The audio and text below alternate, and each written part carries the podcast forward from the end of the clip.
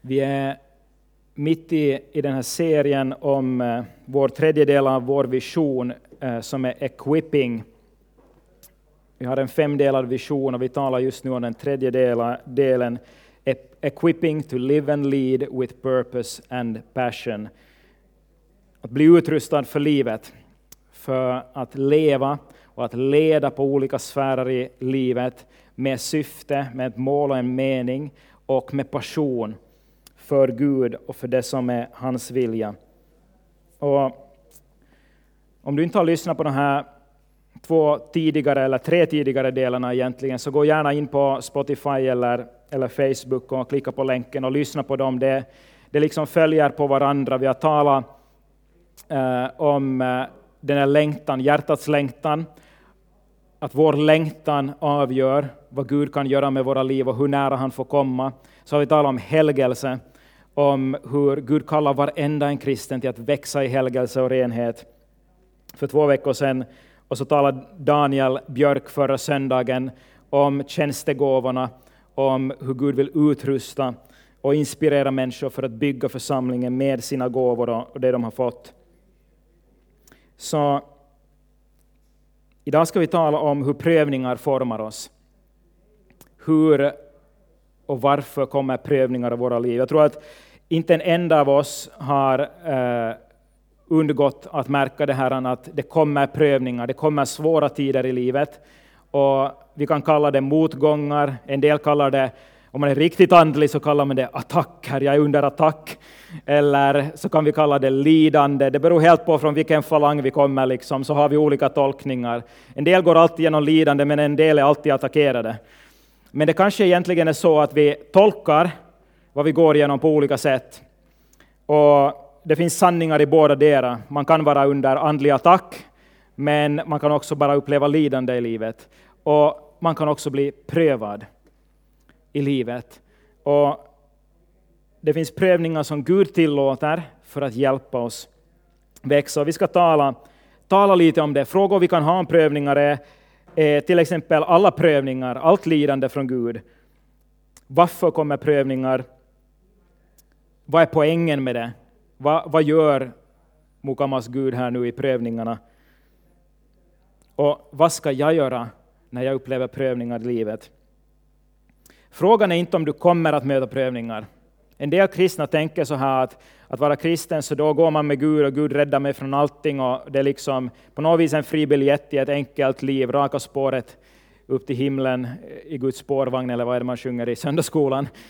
Eh, men eh, så det, det, är en förenklad, en väldigt förenklad och, och liksom handplockad version av vad Bibeln säger om prövningar. Det är inte frågan om om du kommer att möta prövningar, utan frågan är mer om hur du tolkar de där prövningarna. Hur förstår du vad prövningar är och hur du hanterar det?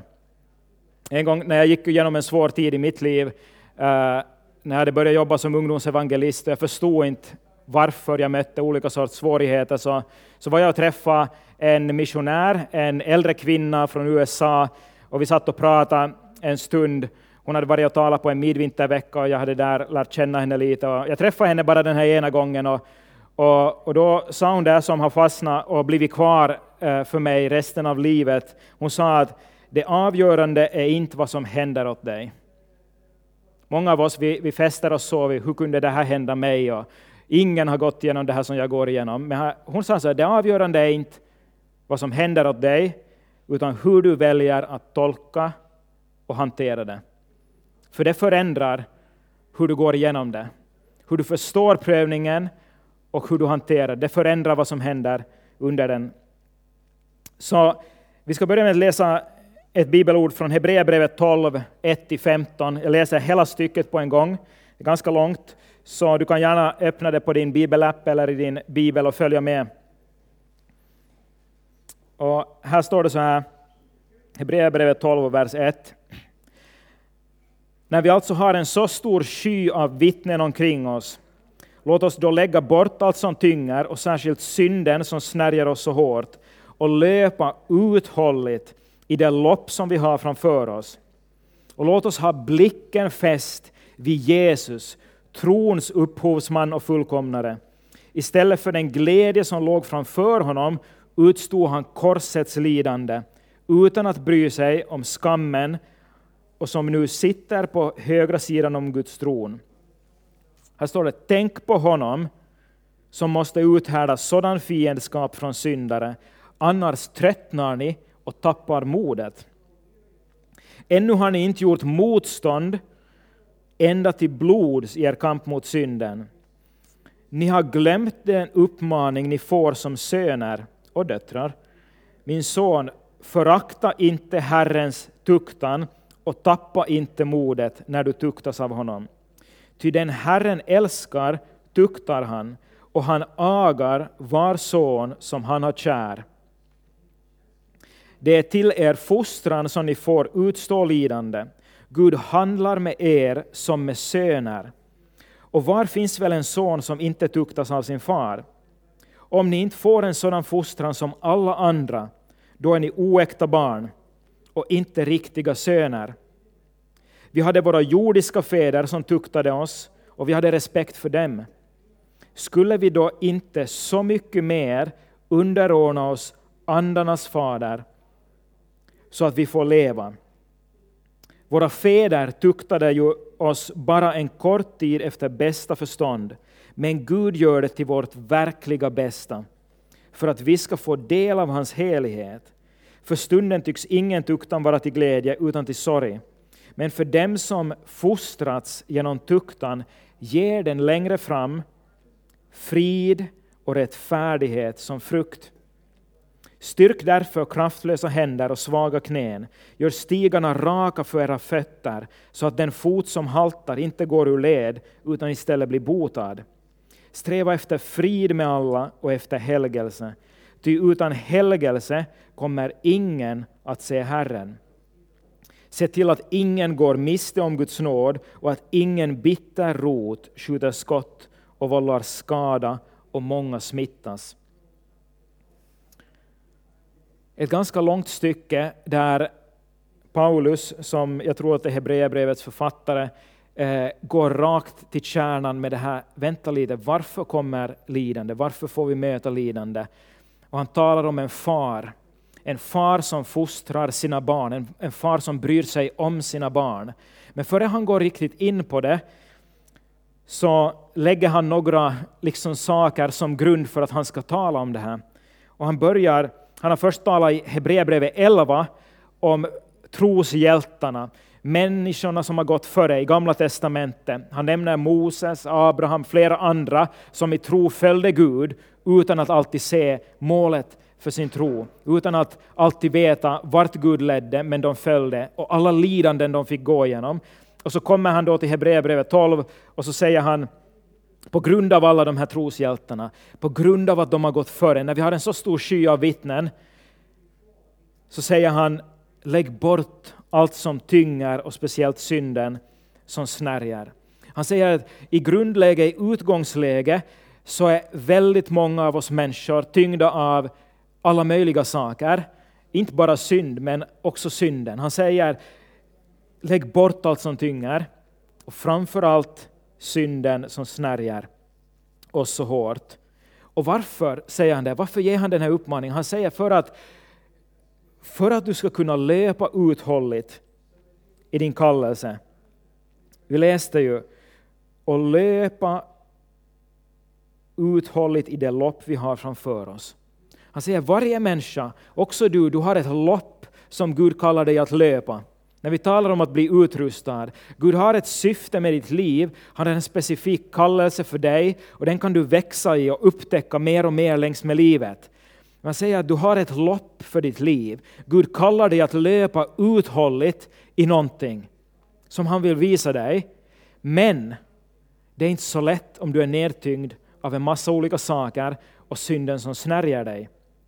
Säg att du har ett maratonlopp framför dig och du ska inte springa det här för dig själv utan för någon annan, kanske för välgörenhet eller för någon annan. Eller varför inte? Du ska springa tiotals kilometer till fronten i kriget med ett viktigt meddelande eller från fronten tillbaka till staben. Och du har ett lopp framför dig. Det här meddelandet måste komma fram. Det finns ett syfte med det. Men just när du ska börja springa så märker du att skräp också, jag har en fotboja och en 10 kilos järnkula fast i min fot. Och så tänker du, nej men det kommer nog att gå, jag kan bara släpa den, det kommer att gå. Så börjar du släpa den och så försöker du springa men det går inte jättefort. Och du hinner bara några meter så märker du också den stora ryggsäcken du har på ryggen. Med alla möjliga saker som du tycker att är viktiga, som du har fyllt ditt liv med och som tynger dig. Och då är frågan att hur lätt är det för dig att springa uthålligt det lopp Gud har för dig om du har en massa extra bördor? Om synden snärjer dig, om du har samlat på dig en massa erfarenheter som du inte har rätt upp, som du inte har lagt av dig, och så försöker du komma fram. Det kan gå, kanske du kommer fram, men det kan gå väldigt, väldigt långsamt och du hinner inte dit eller med det som Gud har tänkt för dig. Hur lätt är det att springa ett lopp om du är nedtyngd? Ändå är det det som många av oss nöjer oss med. Vi nöjer oss med att springa på det sättet, med en fotboja här, med tyngder där. Men det Gud talar om egentligen, när han talar om prövningar för att fostra sina barn, han ger oss en väg till att sakta mak bli mer fri från de här. Han talar här om helgelse, att ingen kommer att se Herren utan helgelse. Det var vi inne på för några veckor sedan. Han säger att det här är så viktigt. Om du vill löpa ett lopp för Gud, om du vill växa i att förstå honom och känna honom och hitta kallelsen för ditt liv, då behöver du låta Gud ta itu med olika saker i ditt liv. Gud vill komma åt de innersta rummen, de svåraste fängelserna som vi, vi människor har skapat, endera vi själva eller andra människor i våra liv. Och det handlar inte bara om synd. Vi kanske tänker att oh, okej, okay, nu måste jag nu igen skärpa mig. Men det kanske inte bara handlar om synder. Han säger ju att vi ska lägga av oss allt som tynger och speciellt synden. Då talar han också om andra saker än konkret och specifikt synder du begår. Vad kan det handla om? Det kan vara att du har blivit illa behandlad, utnyttjad, förorättad, Kanske du är besviken på livet, på kyrkan, på andra människor. Kanske du är nedtryckt och fängslad av andra människors åsikter och ord som de har talat över dig. Och det binder dig. Kanske vi bär på oförlåtelse, på fördömelse, på högmod eller förakt eller självförakt som hindrar oss från att göra det Gud verkligen vill med våra liv. Kanske vi skyddar oss från allt och alla och låter ingen människa komma nära, så vi aldrig får några riktiga relationer. Det kan finnas hur många olika sorts bördor som helst. Så många som det finns människor så finns det kombinationer av bördor. Och ibland det enda sättet som Gud kommer åt att arbeta med oss, det är inte bara genom att en dag var jag i kyrkan och så fick jag en uppenbarelse och sen så försvann min börda. Det kan också gå så, Gud gör mirakel och vi tror på mirakel. Vi ber för människor att de ska bli befriade från ångest, från, från depression, från olika sorts saker. Men för varenda en människa så finns det också en väg att gå där Gud prövar oss, där Gud vill jobba med oss och arbeta oss djupare inuti för att fostra oss och för att ta fram guldet i ditt liv. Han vill hjälpa oss till verklig frihet och det är det som han lägger grunden för. Och när han har sagt det här, att det här är varför vi talar om det här. För att du ska kunna löpa ditt lopp frimodigt. För att du ska kunna hålla ut, för att du ska ha tro. Inte bara så det räcker några år in i livet tills en värre motgång kommer. Nej, så att du ska kunna gå tillsammans med Gud genom alla motgångarna. Därför talar Paulus om det här. Och så säger han, och låt oss ha blicken fäst vid Jesus, trons upphovsman och fullkomnare. Det är ett otroligt starkt uttryck. All sann tro kommer från Jesus Kristus. Om du söker en starkare tro, om du vill växa i din tro, så är det Jesus Kristus som är trons upphovsman. Och han är inte bara den som sätter igång det, utan han är dess fullkomnare. Han är alfa och omega. Jesus är början och slutet för din tro och för ditt liv. Det står till och med i början av Hebreerbrevet, om du läser från början, från första kapitlet, så står det att det är han som uppehåller allt. genom sin hand. Jesus Kristus, det står inte Gud, det står att Jesus Kristus är den som uppehåller allting. Det betyder också att det finns en poäng i att fästa blicken vid Jesus, att komma till honom med det som tynger, med det som är svårt, för han kan inte bara sätta igång något, han är inte bara upphovsmannen, utan han är den som fullkomnar det. Och vi behöver gång på gång återvända till honom och söka styrkan i honom. Fäst blicken vid honom. För det är där, i, i den nåd, i det som Jesus Kristus har gjort på korset, det är där som vi får modet att bli sårbara och låta Gud verka på djupet i våra liv. Och han säger också det här, Jesus Kristus hade samma väg att gå som du. Som vi läste här just i verserna 2 och 3. Som istället för den glädje som låg framför honom utstod korsets lidande utan att bry sig om skammen och som nu sitter på högra sidan om Guds tron. Han säger att, att till och med Jesus som var Guds son så hade en väg att gå genom lidande och genom prövningar för att hans livs syfte skulle uppfyllas. Han tar Jesus Kristus som ett exempel och han säger att på samma sätt som Jesus måste gå igenom det här så kommer det också tider i ditt liv där du hamnar gå igenom lidande och prövningar för att ditt livs syfte ska fullbordas. Han säger tänk på honom, tänk på Jesus, på hans liv. Och allt det han hamnar gå igenom. Annars tröttnar ni och tappar modet. Han tar Jesus som ett exempel. Och det här gör han på flera ställen. Om du läser Hebreerbrevet 5, vers 7-9. Och det är ganska intressant. Läs de här verserna och fundera på vad det står här. Medan han levde här i köttet ropade han, det står om Jesus alltså, ropade han högt under tårar när han bad och åkallade den som kunde rädda honom från döden och han blev bönhörd och tagen ur sin ångest. Fasten, här är den här viktiga versen, fastän han var son lärde han sig lydnad genom sitt lidande. Man skulle tänka att när Jesus kommer hit till världen, syndfri och på sätt och vis fullkomlig, fullkomligt Gud, fullkomligt människa, att han skulle veta vad det här är. Han skulle veta av sig själv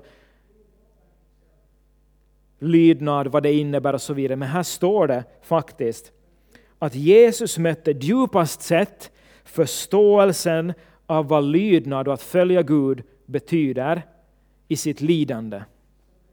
Hänger du med? Han lärde sig lydnad, att följa Gud, att stå trofast, att vara stadig i sin tro. Det lärde han sig. Han, han ble, fick insikt i det först genom sitt lidande.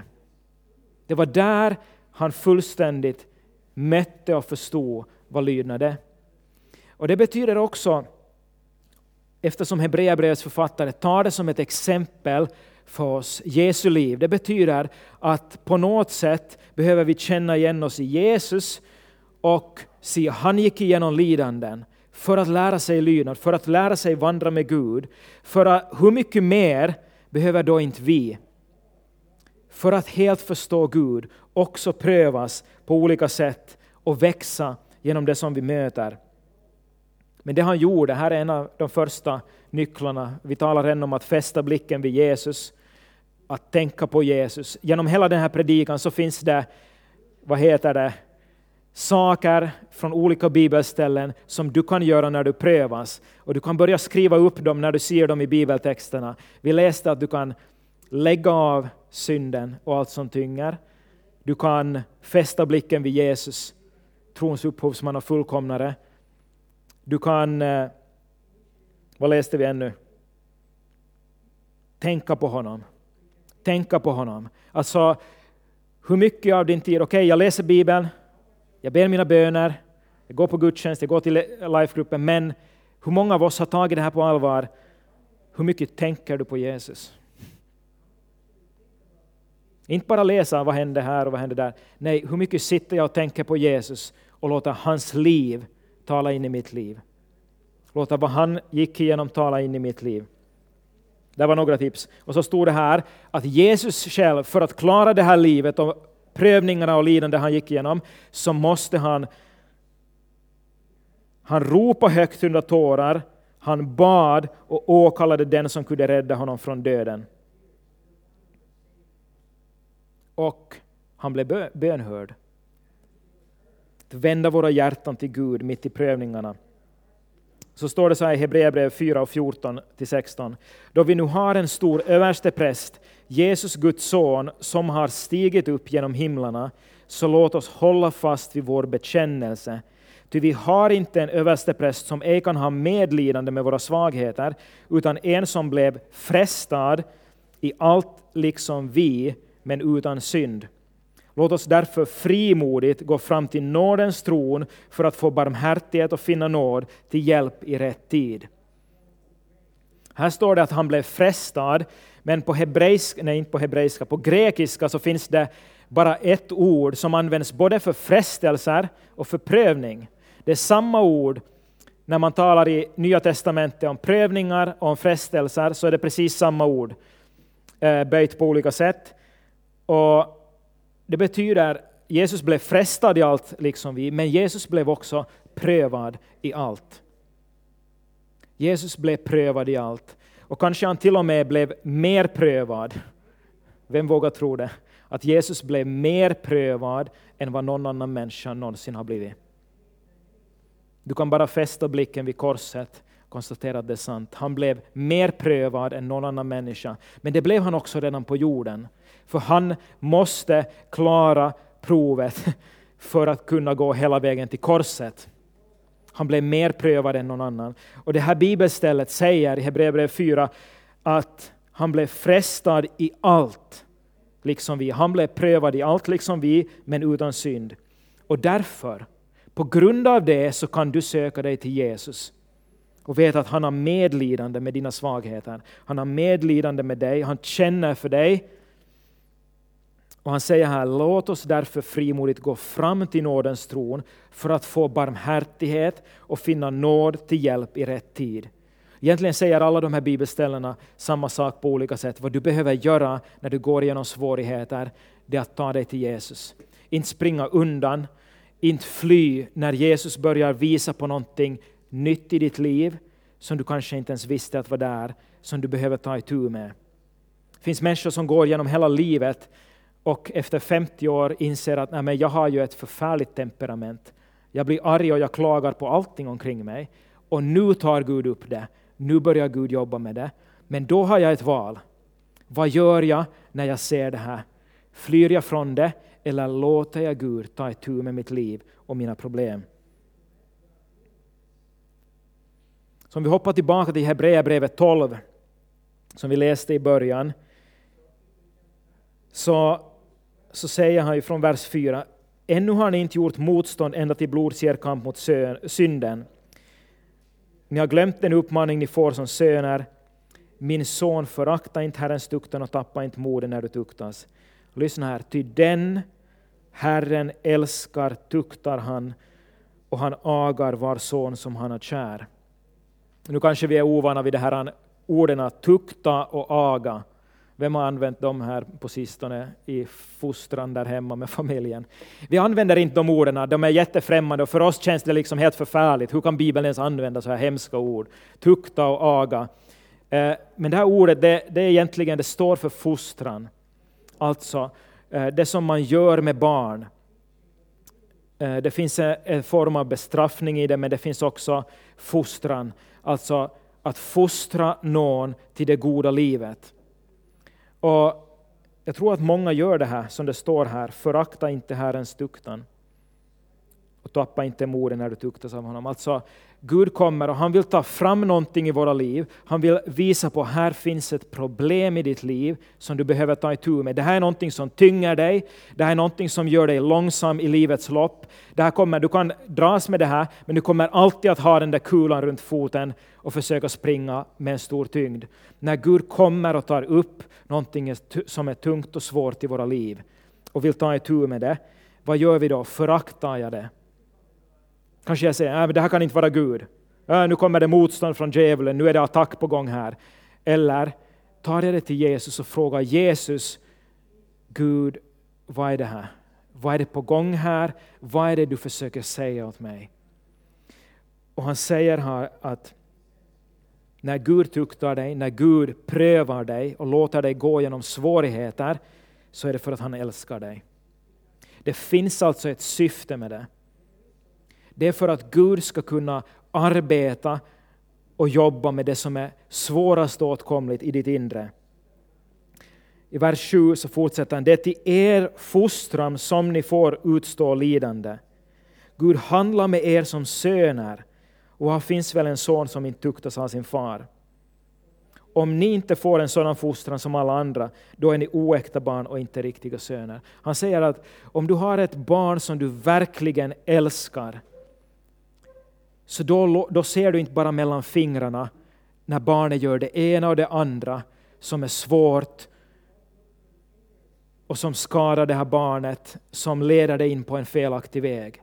Det är kanske det fria, fria uppfostran, var det 70, 60-70-talet, fri uppfostran. Äh, låter barnen göra vad de De måste hitta sin väg i livet. Men om du inte säger vad som är rätt och inte säger vad som är fel, så ger du ingen vägkost åt ett barn. Utan det är kärlek, när man måste på något sätt tukta ett barn eller, eller fostra det och förklara, så kan man inte göra. Utan tuktan, det står till och med i Bibeln alltså att, att det, den som älskar sitt barn tuktar det. Och nu menas det inte fysiskt våld här, om någon sitter här och tänker hemskt, hemskt, hemskt fysiskt våld. Nu är inte tuktan det är ett ord för fostran och rätt sorts bestraffning, Eh, att fostra ett barn in till, till ett liv där det förstår själv och kan växa och ta vara på sitt liv. Så Gud ser dig som sitt barn, sin älskade son och dotter.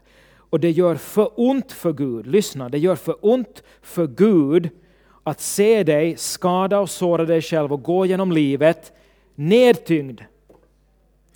Så i sin stora kärlek så kommer han nära dig för att hjälpa dig förstå vad som inte är bra för dig och för att hjälpa dig bli fri.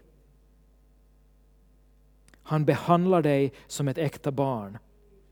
Och Det är därför vi kan glädja oss över det när Gud kommer med prövningar och svårigheter.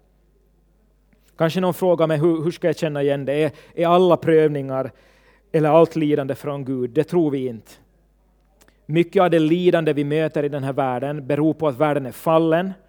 Eh, det här är grundläggande. På, på grund av synden.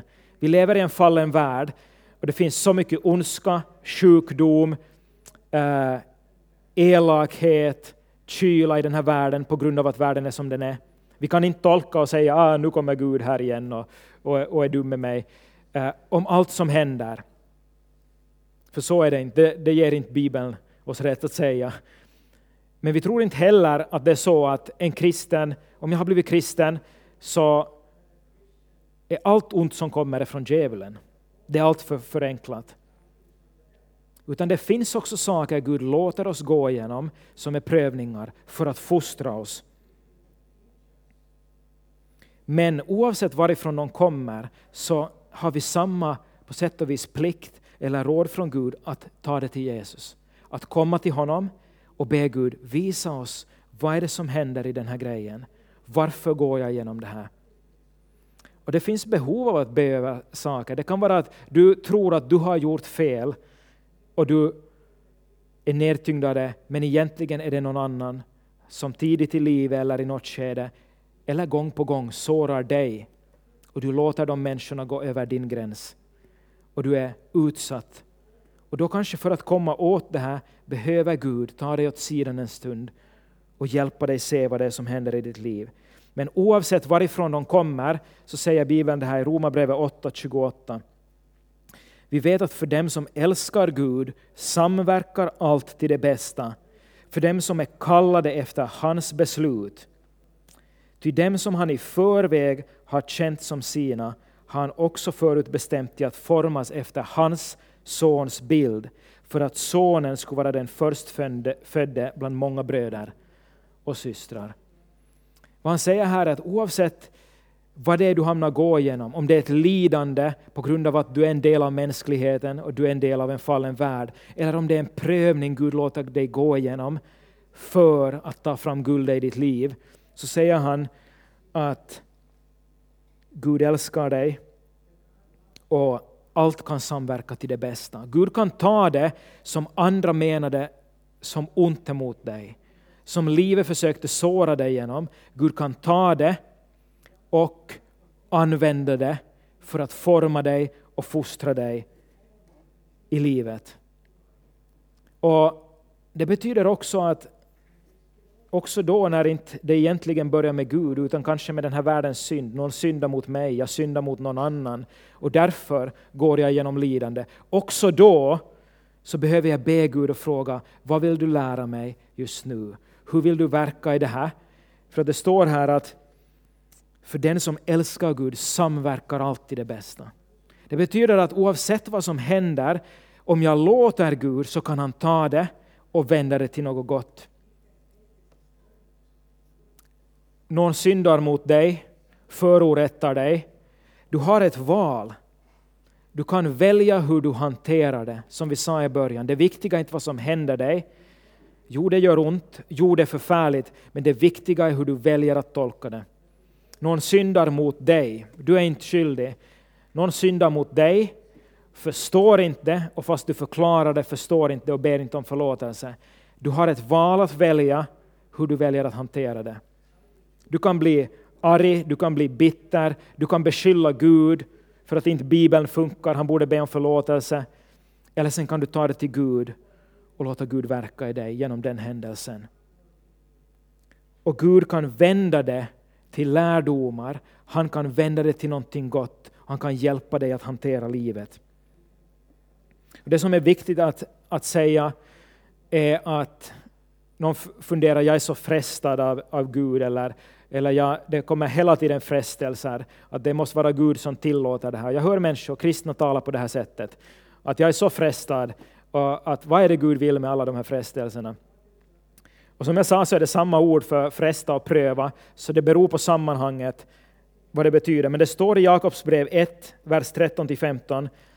Ingen som frestas ska säga, det är Gud som frestar mig. Ty Gud frestas inte av det onda, och frestar inte heller någon. Var och en som frestas dras och lockas av sitt eget begär.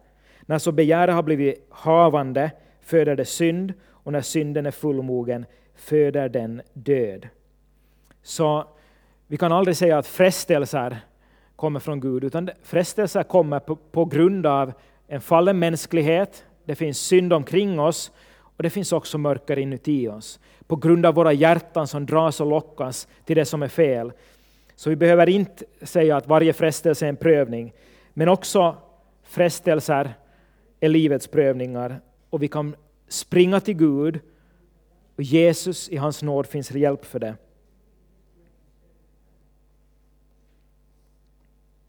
Men han säger också här i Hebreerbrevet 12, vad är syftet? I vers 11 för stunden tycks ingen tuktan vara till glädje, utan till sorg. Vi blir nedtyngda när vi går genom prövningar, vi tuktas av Gud. Det är någonting han vill komma åt i våra liv. Och jag kan säga det, det gör ont. Det kan vara väldigt tungt när Gud tar fram någonting och visar att, att Stefan, här har du varit högmodig. Här lyssnar inte du på andra människors råd. Här, här är du inte öppen för hjälp från andra människor. Det kan göra väldigt ont att märka i sitt liv att vänta lite, här är någonting Gud tar upp. Jag kommer ihåg när det här hände, sista året jag studerade i Sverige, i Uppsala, det var sista terminen, det var slutet av terminen, bara kanske veckor eller någon månad innan jag skulle flytta till Finland.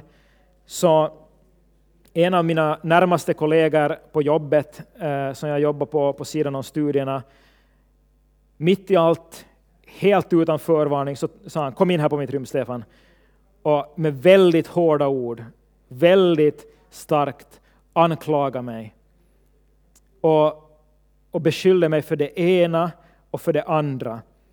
Och så sa han att och cheferna här pratar om det och det om dig.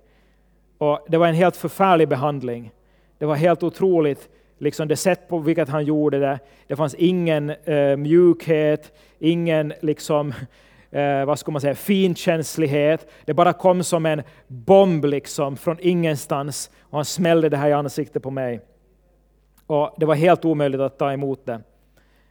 Och, och jag fick taggarna ut direkt.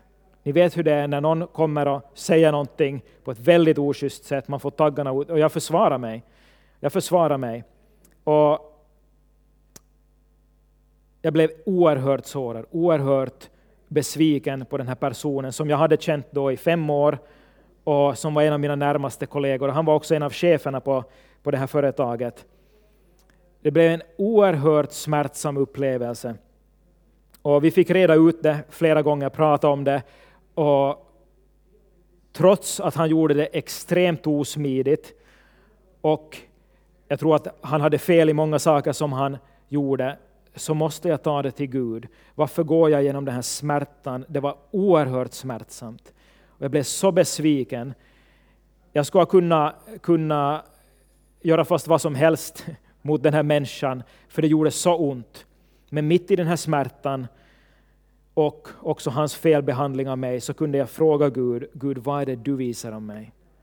Gud, vad är det du vill säga? Är det någonting du vill komma åt? Som inte han lyckades uttrycka på ett bra sätt, men som finns där.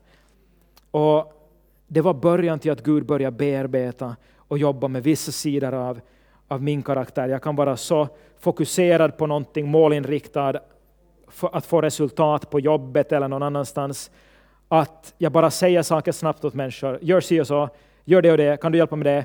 Och människor uppfattar det som kyligt och kallt. Och jag måste börja jobba med det. Så har det varit en lång process och en ganska tung process att ta itu med det och att låta Gud göra det han vill för att jag ska bli en bättre människa. Skulle man säga i världen, men för att jag skulle helgas. För att någonting där sakta mak skulle börja komma bort av det som är kyligt, hårt, kanske högmodigt i mitt liv. Och vad är det nu? Nu är det åtta, nio år sedan dess och Gud jobbar fortfarande med det. Och sen det där så börjar jag få upp ögonen för, vänta lite, Gud tog mig till nästa steg. Vänta, här finns någonting. Lyssnar jag på andra människor? Tar jag emot råd från andra människor? Det som började där för eh, åtta, nio år sedan så fortsätter för att Gud älskar mig så högt att han inte bara lät det gå förbi. Hänger du med? Han ska kunna se mellan fingrarna, ja, men, eh, man kan väl leva med den där bördan, att hålla på sådär. Eller sen så ska han kunna älska mig så att han säger Stefan, här är någonting du måste ta itu med och börja jobba med. Och jag måste säga att, att det var absolut det osmidigaste sättet kanske jag någonsin har varit med om att någon tar upp ett problem. och, och det i sig var väldigt sårande. Det ska kunna göras på ett jättebra sätt och det ska kunna göras milt och lugnt istället för att ösa ut hemskheter och, och attackera.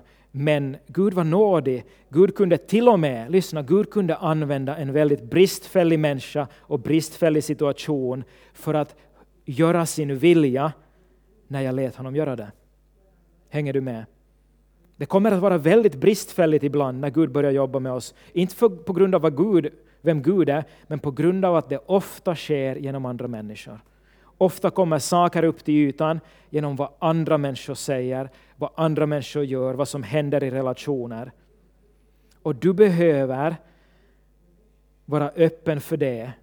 Att när någonting händer så ska jag inte bara gå till motattack, ska jag inte bara eh, ge lika för lika, utan jag behöver vara öppen för det. Vänta lite, vad är det Gud vill hjälpa mig här med? Vad kan han göra i den här situationen? Hänger du med? Det finns saker Gud vill komma åt i våra liv på djupet. Därför säger Jakob så här i Jakobs brev 1, vers 2 och framåt. Räkna det som den största glädje, mina bröder, när ni råkar ut för alla slags prövningar. Alla slags prövningar. Då räknar han plötsligt in när jag frestas och syndar, när andra behandlar mig fel, när livet behandlar mig fel, när Gud sänder prövningar för att pröva min tro och låta den växa. Han räknar in alltihopa. Räknar det som den största glädje när ni råkar ut för alla slags prövningar. För ni vet ju att när er tro sätts på prov så gör prövningen er uthålliga. Men låt er uthållighet visa sig i fullbordad gärning så att ni är fullkomliga och hela utan brist i något avseende. Om någon av er brister i visdom ska han be till Gud som ger åt alla villigt och utan förebråelser och han ska få den. Här talar han om att, att räkna alla prövningar som den största glädjen. Det här är oerhört svårt. Alltså, man kan fundera, att, vänta lite, vad tänkte du på Gud när du lät Jakob skriva ner det här i det här brevet? Att jag skulle på något vis, i allt svårt som möter mig, så skulle jag vända mig till Gud och säga tack Gud för att det här kommer och för att du genom det här, för att du älskar mig och för att jag älskar dig, kan samverka så att det blir någonting gott av det här. Jag tackar dig Gud och jag gläds över den här prövningen som hjälper mig att växa. Men det är så det är. Det ändrar på din inställning till lidande i livet. Om du förstår att om jag låter Gud, om jag inte bara sopar det här under mattan eller om jag inte bara springer bort ifrån det som Gud försöker säga till mig i det här, så kan Gud faktiskt använda det här för att forma mig. Och vad var det han sa när det samverkar, för den som älskar Gud samverkar alltid gott, för att han håller på att forma sin sons bild i var och en av oss. Han håller på att forma Kristus i dig. Och Det är därför du behöver se på Kristus, tänka på Kristus, komma till nådens tron, be, åkalla, ropa till Gud. För att han håller på att göra sitt verk i dig. Här står det att om någon brister i visdom, om du inte förstår det. Han talar om prövningar och så säger han om inte du förstår det som händer dig så ska du be till Gud som ger åt alla villigt och utan förebråelser och han ska få den. Oavsett vad du går igenom så kan Gud hjälpa dig att tolka det rätt och han kan visa dig vad det är han vill hämta fram i ditt liv. Därför kan vi räkna det som glädje, för att det är han som verkar.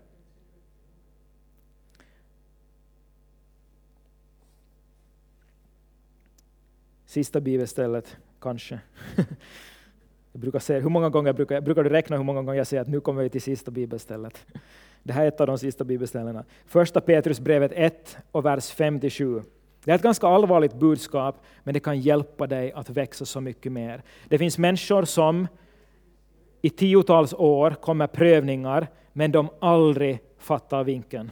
De aldrig tar vara på vad Gud vill visa dem mitt i den prövningen. Då låter man det går till spillo. Då är det helt, jag tänkte säga förgäves som Gud försöker nå oss, om vi föraktar Guds duktan. Låt oss inte förakta den. Så här står det i första Petrus BV 1, vers 5-7. Med Guds makt blir ni genom tron bevarade till den frälsning som finns beredd och ska uppenbaras i den sista tiden. Gläd er därför om ni nu en kort tid måste utstå prövningar av olika slag. Igen, gläd er prövningar av olika slag. Och så säger han, äktheten i er tro är långt värdefullare än guld som är förgängligt, fastän det håller provet i eld. Och den tron ska visa sig bli till lovpris och ära när Jesus Kristus uppenbarar sig. Vad Petrus kopplar ihop prövningarna med här är din tro. Han kopplar ihop prövningarna med att din tro ska få bli äkta och att din tro ska visa sig bli till lovpris och ära när Jesus Kristus kommer tillbaka. Var vill du att din tro är den dagen Jesus återvänder? Vad vill du att ditt liv är den dagen Jesus kommer tillbaka? Han säger här att därför kan du räkna, räkna det som glädje, för när du prövas så växer din tro. Din förståelse av Gud och hur han verkar växer och han, han jobbar i dig. Varför då? För att din tro ska få vara äkta. Så att din tro, som är långt värdefullare än guld, ska få hålla provet i eld. Låt mig berätta det här, här mot slutet. Guld, om du vill ha rent guld, oftast när du hittar guld i eh, vad heter det, mineralansamlingar i bergen i olika skikt. Man gräver efter guld. Guldet är inte rent, utan guldet har orenhet i sig. Det är inte 24 karat, alltså fullständigt rent guld. Nu borde vi ha Heidi kanske och förklara bättre hur det hänger ihop med kemi. Men för att få rent guld, guldet kan vara en legering av olika metaller. Det kan finnas guld blandat med koppar, eh, brons, med olika saker, metaller, och det är inte rent guld. Det gör också att guldet faktiskt rostar eller ärgar lättare. Ett guld som inte är rent blir lättare smutsigt och förstörs. Det bryts ner. Heidi nickar, jag ljuger inte idag, kemisten håller med här. Så guldet kan lättare brytas ner om det är smutsigt och en legering av andra metaller. Men om det är rent guld så bryts det inte lika lätt ner, utan det, det håller alltså, det är evigt egentligen. Vad gör man med guld för att få bort smutsen, för att få bort de andra metallerna? Man måste hetta upp det. Och man kanske lägger till något medel som, som drar smutsen till sig, men du kan inte få ut smutsen och de här svagheterna ur guldet utan att det hettas upp. Utan du måste hetta upp det. Och vad händer när du hettar upp det? När det blir hett så är guld tyngre än andra metaller, så guldet sjunker till botten. Andra metaller flyter upp till ytan.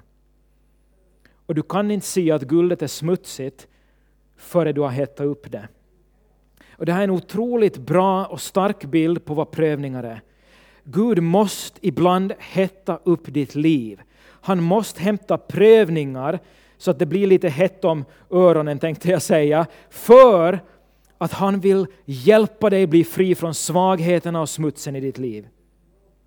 Utan att guldet prövas så kan inte man heller få bort orenheten. Så han låter oss gå igenom prövningar för att pröva guldet, testa det, vad det är gjort av. Och där under prövningen så blir det plötsligt, vi trodde det var rent guld, det såg ut som rent guld, men när det hettades upp, det var då som smutsen blev synlig. Det var då som jag kunde se vad som var svagt i livet. Det var där under press som det visade sig vad som kom ut ur citronen. Gud måste hetta upp ditt liv. Han måste låta dig gå igenom vissa saker för att du ska kunna se det som är fel och för att han ska kunna jobba med dig och ta bort det. Men guld som har blivit renat är starkt. Det är mycket mer flexibelt än om det är blandat med en legering med andra metaller. Det är väldigt flexibelt och mjukt. Och det är samma som Gud gör genom prövningar. Genom att hetta upp, genom prövningarna, renar han oss. Vi är inte mera de där styva, hårda, högmodiga människorna som har svårt att ta emot hjälp, som har svårt att se problemen. När vi blir renade som guld blir vi flexibla. Vi blir mjuka, mjukhjärtade så att vi kan ta emot från Gud och vi kan fortsätta växa. Vi blir mjuka och milda mot andra människor.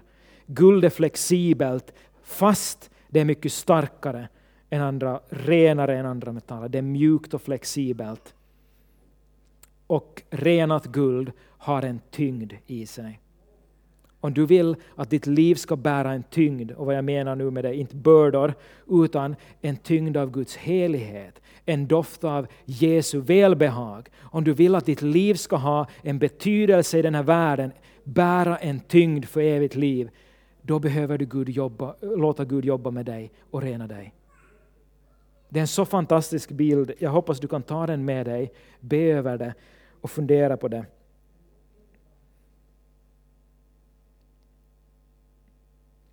Nu läser jag på riktigt den sista versen. Så avslutar vi. Det här är en, en tröst för dig som går igenom prövning. Kom ihåg, frestelse betyder, betyder också prövning. Paulus säger så här i första Korinthierbrevet 10 och 13. Ingen annan frestelse har drabbat er än vad människor får möta. Ingen annan prövning har drabbat er än vad människor får möta.